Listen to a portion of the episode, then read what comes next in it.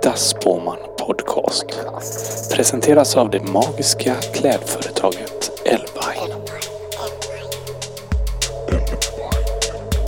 Livet var allt annat än ett äventyr för konstnären Linda Spåman. Nu måste ju inte alltid livet vara ett äventyr, men det måste vara något mer än att behöva ta ettans spårvagn 04.35 från Brunnsparken för att duka upp frukostbuffé till utsvultna lågprishotellgäster som bara undrade en sak. Finns det något mer? Det finns inget mer. Det var därför inte heller svårt för Linda Spåman att säga ja när en kvinna en eftermiddag ringde henne och på bruten engelska frågade om hon var a real fortune teller från Sweden. En äkta spåman. Så följ med på en magisk resa in i det undermedvetna. I Äkta Spåman Podcast låter konstnären Linda Spåman tarotkorten leda vägen och berättar om framtiden med magiska möten med modiga människor. Ja, och då har vi också vår gäst här, Maxida Märak. Som har varit här och uppträtt på festivalen igår. Ja, precis. Och, eh, var det någon som såg henne kanske? Ja. Ja, vad kul. Men det här är ju en, en podd och eh, vi bjuder in olika gäster som vi tycker är intressanta och verkar spännande. Och så får de komma hit och prata om magi med oss. Och eh, nu är du här. Och har du någon erfarenhet av magi? Ja, jag, jag är uppväxt i en eh, kultur där den övernaturliga världen liksom ligger sida vid sida med oss. Att vi så samiska barn som har en samisk uppväxt får ju veta att det finns. Till skillnad från många icke-samer som får lära sig att det inte finns och att det är bara skrämmande. Liksom. Så, och sen kommer jag också från en släkt som är väldigt sådär gammal, eh, vad ska man säga på svenska, men Noite-släkt. Så. Vad betyder det då? Noite, det är en eh, ja, shaman skulle man översätta det. Men det, blir, det var också fel ord liksom. Men, men, eh, ja, men jag kommer från en släkt där det har varit väldigt öppet med att det existerar och att man eh, respekterar det och kan ta hjälp av det och, och så. Så ja, jag har mina erfarenheter. Mm. Jag har träffat mycket människor som är på riktigt och de som absolut inte är på riktigt och någon som man i, kanske inte trott är på riktigt men sen i slutändan så visar det sig att det ändå fanns någonting där. Liksom. Så jag, jag dömer inte folk snabbt alls. Nej. Nej, vad bra. Eller jag dömer jättefort. Men det, att jag tänker också, det kan vara bra när man spår att man eh, liksom tänker ja, gör så snabba antaganden. Men, eh, så, men du är väldigt tolerant mot människor. Eh, många dömer mig snabbt så man lär sig um, Men jag tänker också, du verkar ju också driva någon feministisk agenda. Ja, det kommer väl naturligt. Annars var man dum i huvudet, tänker jag. Om man Ja, inte har det i sig lite grann. Vi tänker nu att vi, vi vet, ingen vet ju något om dig egentligen här, får vi tänka. Eller alla vet kanske allt om dig. Nej, det tror Nej. jag inte. Men eh, vi ska också, du ska ju berätta lite vem du är också kanske. Du, Ja, jag är Maxida Märak och jag jobbar som artist och musikproducent. Så all musik som jag spelar gör jag själv. Jag proddar allting själv. Och proddar även filmmusik och sådana synkar och så vidare till, till lite olika. Sen så har jag en bakgrund som skådespelerska så det har jag fortfarande hållit på ganska mycket med. Försöker dra ner på det lite men det dyker upp då och då ändå. Eh, jobbat en del med radioteater, skrivit musik till radio och så här, skrivit manus till Dramaten, Fryshuset och, och sen så är jag politisk aktivist eh, och, och ja, men driver ganska hårt min, mina åsikter. Eller väldigt hårt, ja. Mm. För, eh, I den här podden så har, har vi träffat flera kvinnor som också säger sig vara politiska aktivister och vi pratar ofta om hur det läggs på kvinnor som ett ansvar att vara politiska. Samt om de också är konstnärer. Vad tänker du om det? Eller, tänker du att det är ditt ansvar? Ja, jag, tänker att det är, abso- jag tänker att det är mitt ansvar. Sen så tycker inte jag att det, att det ska läggas... eh, Jag tycker privatpersoner, folk ska vara medvet, medvetna om politik, vara politiskt medvetna. Det tycker jag är varje människas ansvar att vara. Annars tycker jag det är jävligt svårt att... Jag tycker att det är konstens uppgift att vara politisk. ehm, om jag tycker att det är konstens uppgift? Ja, men på ett sätt kanske, ja, både ja och nej. Alltså jag vill inte lägga Jag vill lägga ansvar på egentligen privatpersoner mer än på yrkespersoner om jag ska vara helt ärlig. Ehm, men sen så, som jag säger själv, jag driver ju, jag skapar musik för att jag vill göra fet musik och sen så har det blivit politisk musik för att jag är en politisk privatperson. Ehm, Skulle du vilja bli politiker då? nej, Nej. det skulle jag inte. Jag skulle alltså absolut jobba inom politik på vissa sätt men, men eh, jag är väldigt tydlig i mina åsikter. Jag tror att jag hade haft väldigt svårt att anpassa mig efter ett parti.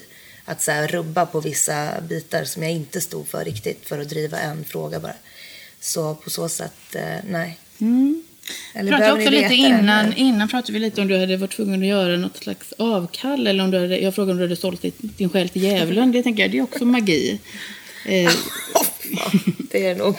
då, men då, då tänkte jag, då går vi inte in i det mer. Men då sa du ju du fått göra några saker ändå för att... För eh, Mm, Framgången, så här, tror du att man... Finns det ett pris för framgång ett pris för framgång ja, som du kan nå med magin? som du kan nå med magin. Mm. Vad menar du nu? Jag menar om du hade sålt din själ till djävulen. Nej, nej, det har jag inte gjort. Nej, jag tycker att i andras ögon tror jag nog att det är många som tycker att man har ehm, ja, men fått offra många saker. Men jag ser det som att jag har valt vissa vägar istället. Eh, valde att gå och att inte gå andra vägar.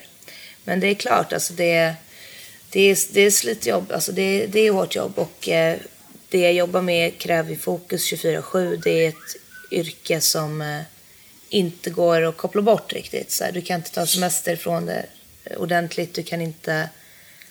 men du har egentligen inte så mycket... Du har ingen privattid. Nej. Inget privatliv.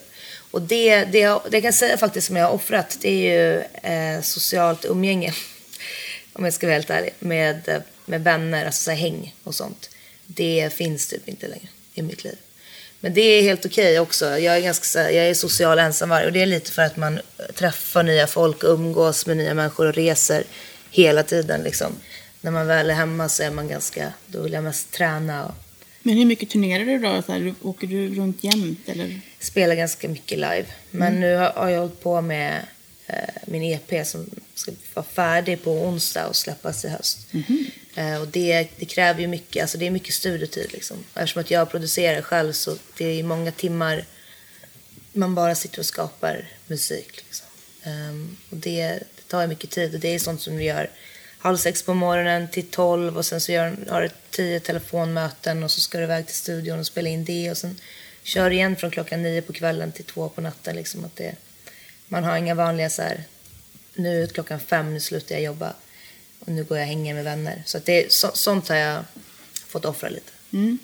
Men ehm, nu tänker jag att vi ska gå in i själva spårdomen. Är det någonting som du är rädd för att få veta? Nej. Är det något du ser fram emot? Eh, ja, vi får väl se. Får se. Det kan ju komma dåliga kort då och då blir det ju obehagligt. Okej. Eller för mig då, för jag tycker det är så jobbigt när människor får dåliga kort. Nu då har vi en tarotkortlek och den kommer du få dra tre kort. Ett kort som symboliserar dåtiden, nutiden och framtiden. Sen får du även dra ett annat kort. Ifall det blir jättedåligt så kan du dra den här kortleken. Det bara är bra kort. Nej, det är det inte. Massa dåliga med. Okej. Men feel so det här är väldigt simpel form av, eh, av spårdom egentligen. Men det, det är ett samtalsverktyg kan man säga. Och den här podden handlar lite om samtala. Kanske saker som man inte hade tänkt. Ja. Ja. Vad är första Du nu får som gärna jag drar avslöja då? jättemycket spännande saker nu då om du själv. Ja, jag är ganska öppen. Så nu tittar vi in i det förflutna då. Får du dra ett kort. Ah, vad spännande. Okej.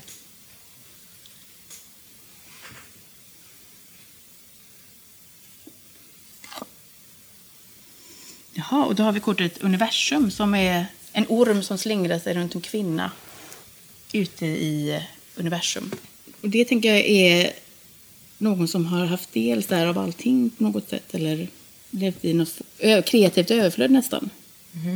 En frihet och, och var du ett väldigt kreativt barn Mm. Mm. Det var jag. och du var väldigt lycklig. Eh, ja, när jag var liten var jag nog lycklig. Sen var jag väl olycklig ett tag. Ja, För det här är också någon som gillar att stå i centrum och stå på en scen och bli sedd och Ja, det Vi stämmer. applåderar. Är det, stämmer det? Definitivt stämmer. Det kan man säga när man spår också vill man att folk säger det stämmer. Ja, men det stämmer absolut. Det stämmer. Mm. Ja. Men eh, hur, när upptäckte du det då, att du ville stå på scen? Det är nog faktiskt alltså från födseln. att Jaha, från födseln. Ja. Din första tanke. det, var det, det var första jag gjorde. Ehm, Men du har en syster också, som Ja, också syster. är en artist. Ja, hon är poet. Ja. poet. Ja, det. Och ni gör saker tillsammans. Vi gjorde. Gjorde? Har ni ja. slutat? Ja, men det var ju bara ett, det var liksom ett projektarbete och sen så hade vi ett filmteam som var där under den tiden. Så att Ja, just det, blev, det var en tv-serie väl? Ja, precis, på SVT. Så det blev väldigt mycket fokus på vårt samarbete som vi gjorde då, som var egentligen ganska kort tid. Ehm, för att vi är ju två skilda artister som gör helt, helt olika grejer. Liksom. Det uppstod det någon schism? Mellan oss? Ja? Nej. Nej. Nej. Det är inte så Vi att man vill liksom... Ni kan stå på samma scen? Ja, gud ja. Alltså Mm. jag kan säga, jag och min syster, det, det finns ingen konkurrens överhuvudtaget. Det hade varit extremt sorgligt. Det, det är så sorgligt när... Jag tycker inte det är konkurrens från någon. Man ska inte se det så när man jobbar med, med scenyrken alltså. Det Nej. är, ju fler desto fetare brukar det oftare bli. Men eh, den här längtan då, då att, att liksom, när, när började du ta tag i det? När började du spela teater? När började du Kanske var fem år eller något sånt där Mm. när jag började. uppmuntra dina föräldrar dig? Ja, min Mm. mamma är gammal dansare och är skådis. Hela min familj är väldigt estetisk kulturfamilj. Mm. Mm. Det Du, står du din familj väldigt nära? ja, Mm. väldigt nära. Är dina föräldrar fortfarande gifta? Eh, nej, min biologiska pappa lämnade mamma när jag låg i magen. Mhm. Och sen så, eh, när jag var fyra år då, min syrra har en annan biologisk pappa också, han var inte så snäll. Eh, sen så mamma var ensamstående med mig och min syster tills hon blev ett och jag var fyra. Och då kom min pappa då som jag har idag och han adopterade oss sen. Eh, så vi har en lillebror som är hans biologiska liksom, men annars är det han Är han kreativ? Eh, ja, på sitt sätt. Inte som, inte rent så här... ehm, ja, men han är det faktiskt. Men han är ingen så här skådestyp. Men det ligger dolt. Ju äldre han blir, desto mer. Jag börjar se honom på scen nu, alltså sjunga lite och göra sådana där grejer. Eh, visa saker. Så att, men han är, han är lite så här lågmäld. Till skillnad från min mamma som är explosiv. Liksom. Och, och din pappa? Hur är han? Min pappa, Ja, alltså vem pratar vi? vi har bara pratar en alltså om pappa. din riktiga pappa. Ja. Nej, han är inte min pappa, han är bara en... Ja, jag vet det, men- ja, eh, Ola var, jo han var extremt kreativ. Ja. Mm. Är kanske, jag vet inte. Men du träffar inte honom alls? Nej, Nej. det är hans val. Alltså, så här, Mm. Så även nu när du ändå är en publik person så har han, ni har inte kontaktat varandra eller? Nej, Nej. jag träffade honom några få gånger när jag var liten på min mammas liksom, försök. Kanske, inte vet jag, tre, fyra gånger. Men han var, alltså, det fanns ingen, klicka inte. Det är lugnt, det är ingen sorg för mig. Utan det är, jag är bara glad att jag har, att, eh, jag är glad att jag fick den pappa som jag har. Mm. Hade inte velat ha det på något annat sätt. Men eh, nej, jag tror att vissa människor bara, de har nog lite svårt att ta hand om sig själva kanske. Och eh, det blir svårt att ha ett barn då kanske. Mm. Tänker jag. Men han lever inte i någon annan familj eller? jag vet inte. Det här känner man ju att man såklart vill djup, dyka in i mer då.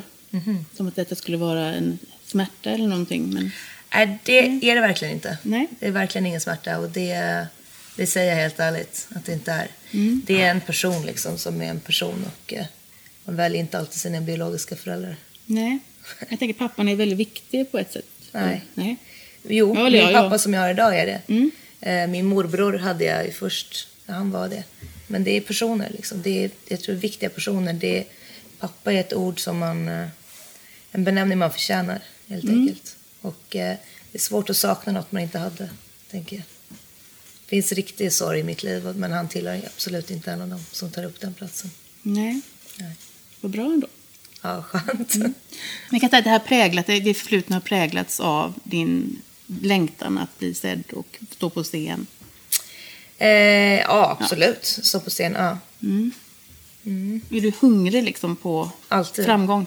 Ja, det är Ja. definitivt. Då återkommer vi. Hur långt kan du gå? Ehm, hur långt jag kan gå? Ja, men hur jävla långt som helst kan jag Mm. gå. Men jag skulle inte kliva över, över lik för det. Nej, men jag, alltså, som så här, jag, tycker inte, jag tror inte att man behöver eh, göra dåliga gärningar för att nå extrem framgång. Nej. jag tror man kan vara en god människa och nå Ja, ja, framgång. det tror jag också. Absolut. Det var inte det jag menar. Men jag tänkte på, men liksom, vad är ditt mål? Vad, vad siktar du mot? Det är lite intressant. Jag tycker att, alltså de, jag tänker tillbaka så här, vi hade för mål för några år sedan liksom, och dit har man ju hamnat på något sätt. Så att jag, jag försöker fokusera lite grann på så här, vad är nuet och så insupa det man håller på med och det man har åstadkommit. Men jag är jätte, alltså jag är gigantiska mål här, absolut. Jag, Vill du, vill du berätta ett mål? Så kan vi liksom följa upp om fem år. ett mål? Ja, men jag tänker att jag ska, när jag blir gammal ska jag vara en jävligt eftertraktad musikproducent, tänker jag. Faktiskt. Ja, så ska sitta där och, och ja, leda Sverige musikproduktion. Världen kanske. Mm. Eh, Jag hade tyckt det var svinkul att skriva pop. Liksom, till Du någon skulle som kunna skriva till Britney Spears eller någonting. Eh, absolut hade Ja. jag gjort det om hon hade ringt. det tror jag. Ja. Då kanske det är ett mål då. Som är... Nej, det är inte mitt mål. Det finns lite andra artister. Men nu har ju hon comeback i alla fall har jag sett. Så... Ja, Och det är bra. Ja det är säkert. Nu, vi tittar in i nuet då Ja, och ser vad som pågår just nu i ditt liv. men nu Eftersom korten inte ljuger. Exakt. Det kommer bara vara sanningen. Mhm. Och då har vi solen. Och eh, så här ser det kortet ut. Nu ser ju kanske inte alla, men det är en, en stor sol och så är det två lyckliga, ett lyckligt par här under också som är under solen. Eh, Lever du i någon relation? Ja, det gör jag faktiskt. Är ni lyckliga? Ja, Ofattbart lyckliga? ja. Ja. Undrar hur framtiden kommer bli. det gör jag. Ja. Jag fick faktiskt fråga, fråga hur det kommer bli. Ja. Eh, Ja, Nej men eh, solen är såklart ett jättepositivt kort. Men du står ju i strålkastarens ljus Mm. just nu. Är du liksom, tycker du att du är på, på toppen eller är du på väg uppåt? nej, jag är nog mm, på väg uppåt. Mm. Mm. Det är Och my skiva... plan. Ja. Men eh, kärleken då? Det här handlar ju om kärlek också. Ja, Ja. Är du, du lever i en relation med någon mm. det gör jag. och är det komplicerat? Nej, det, det är inte komplicerat mellan oss överhuvudtaget. Jag är ganska chockad att jag ehm, träffat en sån bra människa. Men mitt liv är komplicerat just nu. Mhm. Så att det ja, men det är en stadig person där. så att det, Men ofta när jag spår så vill ju människor veta om de ska träffa någon eller Ja. ska få, var du ensam länge? jag levde väl i en ganska dålig relation innan. Mm. Gjorde jag. Ja, den var inte så trevlig. Så... ehm, ensam, bokstavligt talat. Jag var ensam som person var jag väl ganska länge. Väldigt länge kanske. Mm, ganska ledsen. Vad gjorde att du valde denna människan då som... Nej, men för att eh, jag är relativt ung liksom. Ehm, Hur gammal är du? Jag är 27. Ehm, och inte så här, aldrig varit förhållandetypen, aldrig haft en massa förhållanden ens i tonåren liksom. Eller någonting. Jag, jag tyckte det var, jag ville, jag ville vara själv liksom. Alltid tyckt att det är skönt att vara självständig och inte att ingen ska komma och bestämma. Men sen så gav jag mig in i en relation och det blev väl typ min absolut första seriösa och sen så blev inte den så himla bra. Är det också mannen som du har barn med då? Ja. Ja. Mm. Men eh, när jag tänker också på eh, att vara kvinna och skaffa barn sen när man också har ambitioner. Mm. Och, så kreativa ambitioner eller att man vill bli, Mm. eh, jag antar artist som du. Så här, är det, Det är inte lätt. det är inte lätt. Nej, det, Hur det är jävligt då? svårt. Nej, men jag tänkte väl med att alltså för mig så har jag, jag har bara tänkt så. Jag Mm. ser inga liksom hinder, jag har aldrig sett några hinder. Ser inte att barn är ett hinder, ingenting. Så man blir medveten om hur andra tänker Mm. istället. Så det var ganska intressant så här. Jag födde min dotter när jag var 23. Och när jag blev gravid då var jag liksom ute på turné med teatern. Ehm, och i min umgängeskrets inom teater och musikvärlden och min närmsta umgängeskrets så är det liksom ingen som skaffar barn. Nej. Finns inte för att man, man ska göra karriär så jävla hårt liksom. Och sen så från byn där jag kommer från Jokkmokk så var jag typ gammal när jag var 23 och fick barn. För att där är det mellan 18 och 20 när du får den första och kanske är inne på andra när du är 23. Men jag blev väldigt medveten om att folk hisnade liksom när jag blev gravid. Så vad kan du göra? Hur gör du det här? Du, nu har du just, du får så stora roller, du vet, det går skitbra i din karriär och så ska du skaffa barn och allt kommer falla liksom.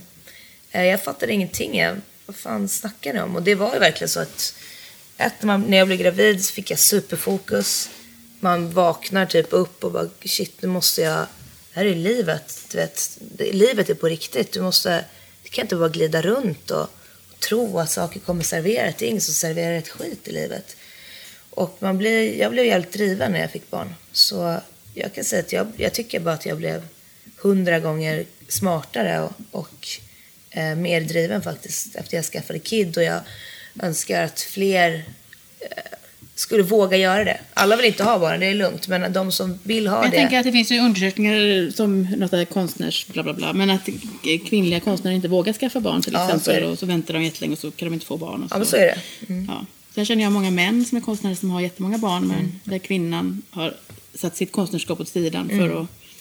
Ja. Och det är det, jag gjorde aldrig det. Nej. Jag satte aldrig det åt sidan och det har jag fått sota för ganska mycket liksom. Från eh, olika håll. Men du, den här mannen du träffar, är han konstnär? Nej. Nej. Det är bra. Eller? Ja, det kanske är det. Nej, men jag Ehm, tänker att det är svårt så här, att vara två konstnärer på något sätt. Men... Ja, men kanske. Jag Mm. vet. Alltså, jag tycker det, där, det är så himla från person till person. Sen är han, jag vet inte, han är grafiker så man är inte konstnär så, men vi är ändå ganska lika. Han jobbar Liksom. väl inte med reklam, va? Nej, Nej. Äh, mest sport Okej. faktiskt. VM och OS och sådana grejer. Ehm, men han, eh, vi har ganska lika sätt att arbeta. Alltså Mm. så här, kan bestämma arbetstider ganska mycket själva och så. Ehm, men nej, han är ingen rappare. Nej. jag har hört det en gång, det var dåligt. Har du träffat några rappare då som... Eller... Som var sexiga, eller? Ja, eller som du träffat här som... Alla rappare är sexiga nästan. Mhm. Ehm, nej, men jag har väl aldrig... Eh, eller tänkt om jag, om jag raggar på någon Nej, är, jag menar bara, har du haft någon relation med någon så här? Hur var det då? Så här, var, det, var det konkurrens eller? nej, Nej. nej, jag har inte haft en... Hur är manliga, så här, den världen? Så här, är den öppen för kvinnor som vill slå sig in i... Det känns som du är väldigt unik ändå, eller? Är det? Ja, men lite. ja, kan, alltså jag tycker ändå så här, det är lite generationsfråga liksom. Det, det, jag tycker min generation är, tar, tar plats liksom. På alla tar plats lite mer och skriker lite högre på något sätt. Det som har varit någon så här, man säger att det kom, plötsligt så bara dyker upp en massa kvinnliga hiphoppare. Man bara nej, men det, världen ser lite annorlunda ut nu liksom. Så här, det, kanske, feminismen kanske har utvecklats lite, lite mer på vissa plan. Att de har väl alltid funnits där men inte alltid fått synas liksom. Ehm, musikbranschen är absolut mansdominerad alltså på många sätt och det är vidrigt. Det finns ju jävligt mycket artister som är eh, riktiga as. eh, Manliga artister som är riktiga as, riktiga jävla svin. Så vill man ju att säga vem som är... Nej, det kommer jag inte göra, men alltså som knarkar och super och otrogna och sen så av recensenterna klassas som genier liksom. Och ingen nämner om de har barn eller inte, men gör någon kvinna inom artistbranschen som är lite för full någon gång så är det ju ett helvete för henne sen resten av livet liksom. Vi träffade ju Kikki Danielsson för Mm. två veckor sedan i den här podden. Jag tänker att hon är ju verkligen en människa som har liksom drabbats på något sätt. Nu är ju hon i en annan, annan värld än dig, men jag tänker att hon är ju fantastisk. Men Mm. ändå ska alla, liksom, så fort man säger hennes namn ska man få ta upp att hon är Mm. alkoholist. Jag tänker, men... Ja. Ja, men fan inte det alltså. Mm. På säga. Ja, jag är faktiskt inte det. Men, nej, men alltså absolut, så är det ju. Mm. Eh, det pratar man ju inte om. Jag har varit på många galor och ställen där de glider runt som höga hus liksom. Och det, är- det är ändå lite Men häftigt. du, är du är så här lite renlevnadsmänniska, eller hur lever du? Ja, men det, det Mm. måste jag säga att jag är. Alltså jag kan tycka det. Jag är absolut inte, jag är inte nykterist. Alltså ofta på festivaler och fester och sånt, jag jobbar ju då. Och jag, är inte, Men jag man är får- inte full på sitt jobb liksom. Jag får ändå känslan att du är väldigt kontrollerad. Ja, det är Ja. Du är kanske solen, så här, många människor behöver dig. Du är en del, så här, att du, be, du kan liksom få andra människor att växa, tror jag. Det är en stark känsla jag har. Ja, fint. Och eh, kortet ljuger ju inte såklart. Nej, det är klart. Nej. Men eh, det kan också vara för farligt att komma nära, för nära solen. Så kan man, säga. man kan bränna sig. Ja, det kan man nog göra. Mm. Kan det vara för farligt att komma nära dig? Jag är ganska skoningslös, är jag. Om jag ska vara ärlig. Jag är... Har du höga krav på andra? Ja, det har jag. Mm. Det Jag var nästan lite rädd när du skulle komma hit. Tänkte att jag måste jag vara skärpt Ja, nej, men jag är, jag är, som sagt, jag är inte dömande. Nej. Definitivt inte. Och jag dömer inte andras livsstil. Jag är kontrollerad med mig själv. Tränar mycket, äter eh, jävligt rent. Liksom så här, har jävligt mycket strikta regler. Det- Jag måste nästan ha det i mitt liv för att allt annat är så här flygigt. Så jag gillar att, att vara så här kontrollerad med mig själv men jag dömer absolut ingen som inte är det. Um, däremot hos mig får du en chans och inga fler ungefär. Men det var att- hårda regler. Ja, Eller om det du inte var det, men, dömande eh, menar jag. Nej, men jag är inte dömande mot människor, men om du skadar mig så då har jag rätt att döma dig. Så är det ju. Eller rör någon i min familj, någon av mina nära och kära, så eh, kommer man inte tillbaka till mig. Och så är det faktiskt. Mm. Eh, där är jag hård. Men du, nu tittar vi in i framtiden då. Yeah. Är det någonting som du önskar för framtiden eller? Ja, det är det verkligen. Ja, det. Mm. Ska vi se då vad... Ja. Ja. Vill vi du ställa en fråga kanske eller? Hur kommer min... Kommer jag vara... Kommer den här december... Kommer jag i gott mod eller ont mod? Är det en svår fråga? Nej, jag vet inte. Vi får se vad kortet Kommer säger. jag, kommer jag känna seger Mhm. eller kommer jag känna mig uppgiven? Då ser vi nu. Det blir väldigt luddigt svar. Nu är jag faktiskt nervös. Mm. Jaha, men då har vi drottning i stavar. Det är ett väldigt starkt kort. Det är en kvinna som sitter med en stor stav. Då, som I en guldstol, I en guldstol sitter hon faktiskt. Av eld och en stor tiger bredvid. Är det sant? Eller det är ingen tiger, men vad, vad kan vi kalla detta djuret? Jag tror det är en leopard eller... Ja, Ja. kanske ett lådjur. Och där sitter du ju redan, så det kommer väl gå väldigt bra då. Ja, det var precis det jag Men du kommer kanske vara tvungen att utkämpa en strid, tror jag kortet också säger. En till. Ja. Vad är det då? Kan man klippa bort det sen om jag säger det till de här nu? Ja, men någon form av succé kommer komma. Vi kan också se, vi brukar ju dra ett kort i denna kortleken. Ja. Och det här då, som, det, som jag har ritat själv, är en annan kortlek. Sen kan du få dra ett kort, kan vi se lite allmänt. Lite allmänt. Lite allmänt hu- hur det kommer kännas att gå. Nu. jag tänkte också att alla här i publiken kunde få dra ett kort så alla blir en masspsykosspårdom då som vi ska göra alldeles strax. Och så kan ni ju ställa frågan till er själva. Okej. Jaha, frid. Och då är det två kvinnor som har slutit fred. Det kan ju vara en man också. Du kanske sluter fred. Ja, det var det skönt. Mm. Men det tror jag faktiskt. Du ser, Ja. svärden är lagda i kors. Eller så kommer du få ro på något sätt. ja, men jag gillar ordet frid. Det är nice. Frid är ett bra ord, ja. Men eh, vi skickar runt de här korten så får alla dra ett kort som ni får ta med och behålla i livet. Jag kom Ja. på något magiskt faktiskt. Ja, Just det, du skulle berätta en magisk händelse nu. Som kan vara lite intressant. Det kom ju ett gruvbolag från eh, England, brittiskt gruvbolag till Jokkmokk för flera år sedan nu. Som hette Beowulf Mining, som skulle bygga en gruva som skulle utplåna två samebyar då i Jokkmokk. Och jag har varit mycket där ute i Gallok som det heter, det här området där de ska börja provborra.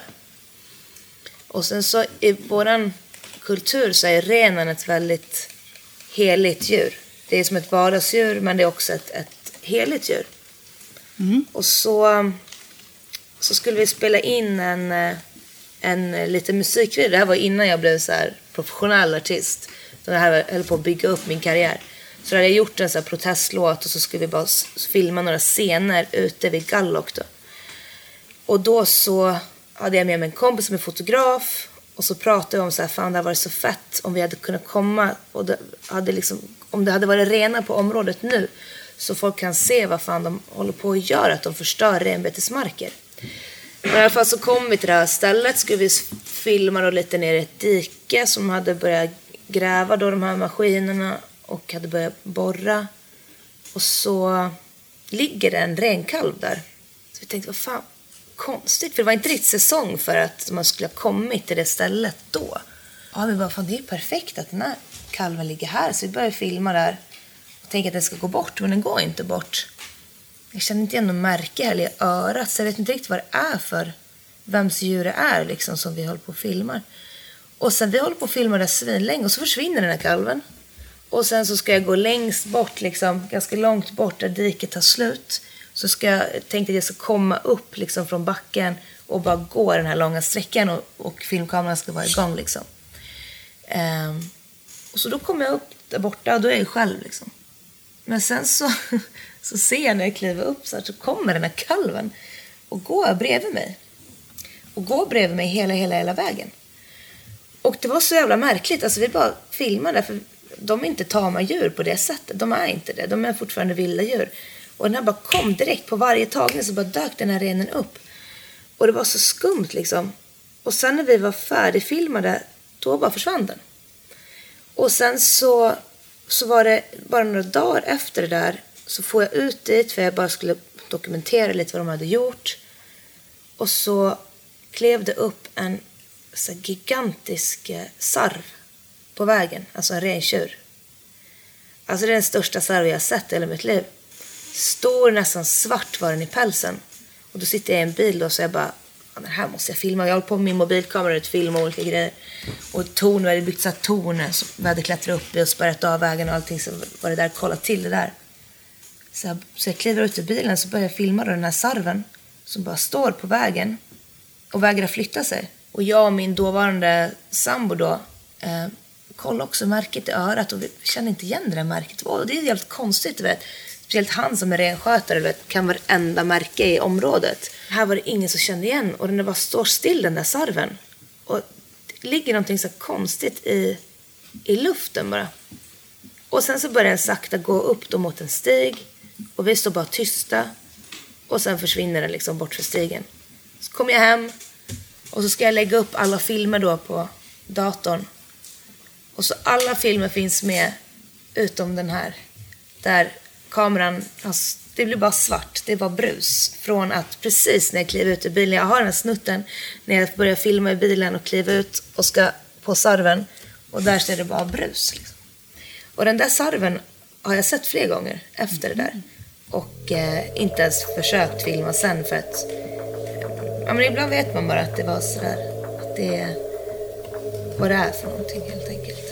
Och eh, vi har ju något som heter på svenska det underjordiska. Som är ett annat folkslag liksom som lever, lever sida vid sida med samer. Um, som man ser ibland. Och kan se deras renar ofta. Mm.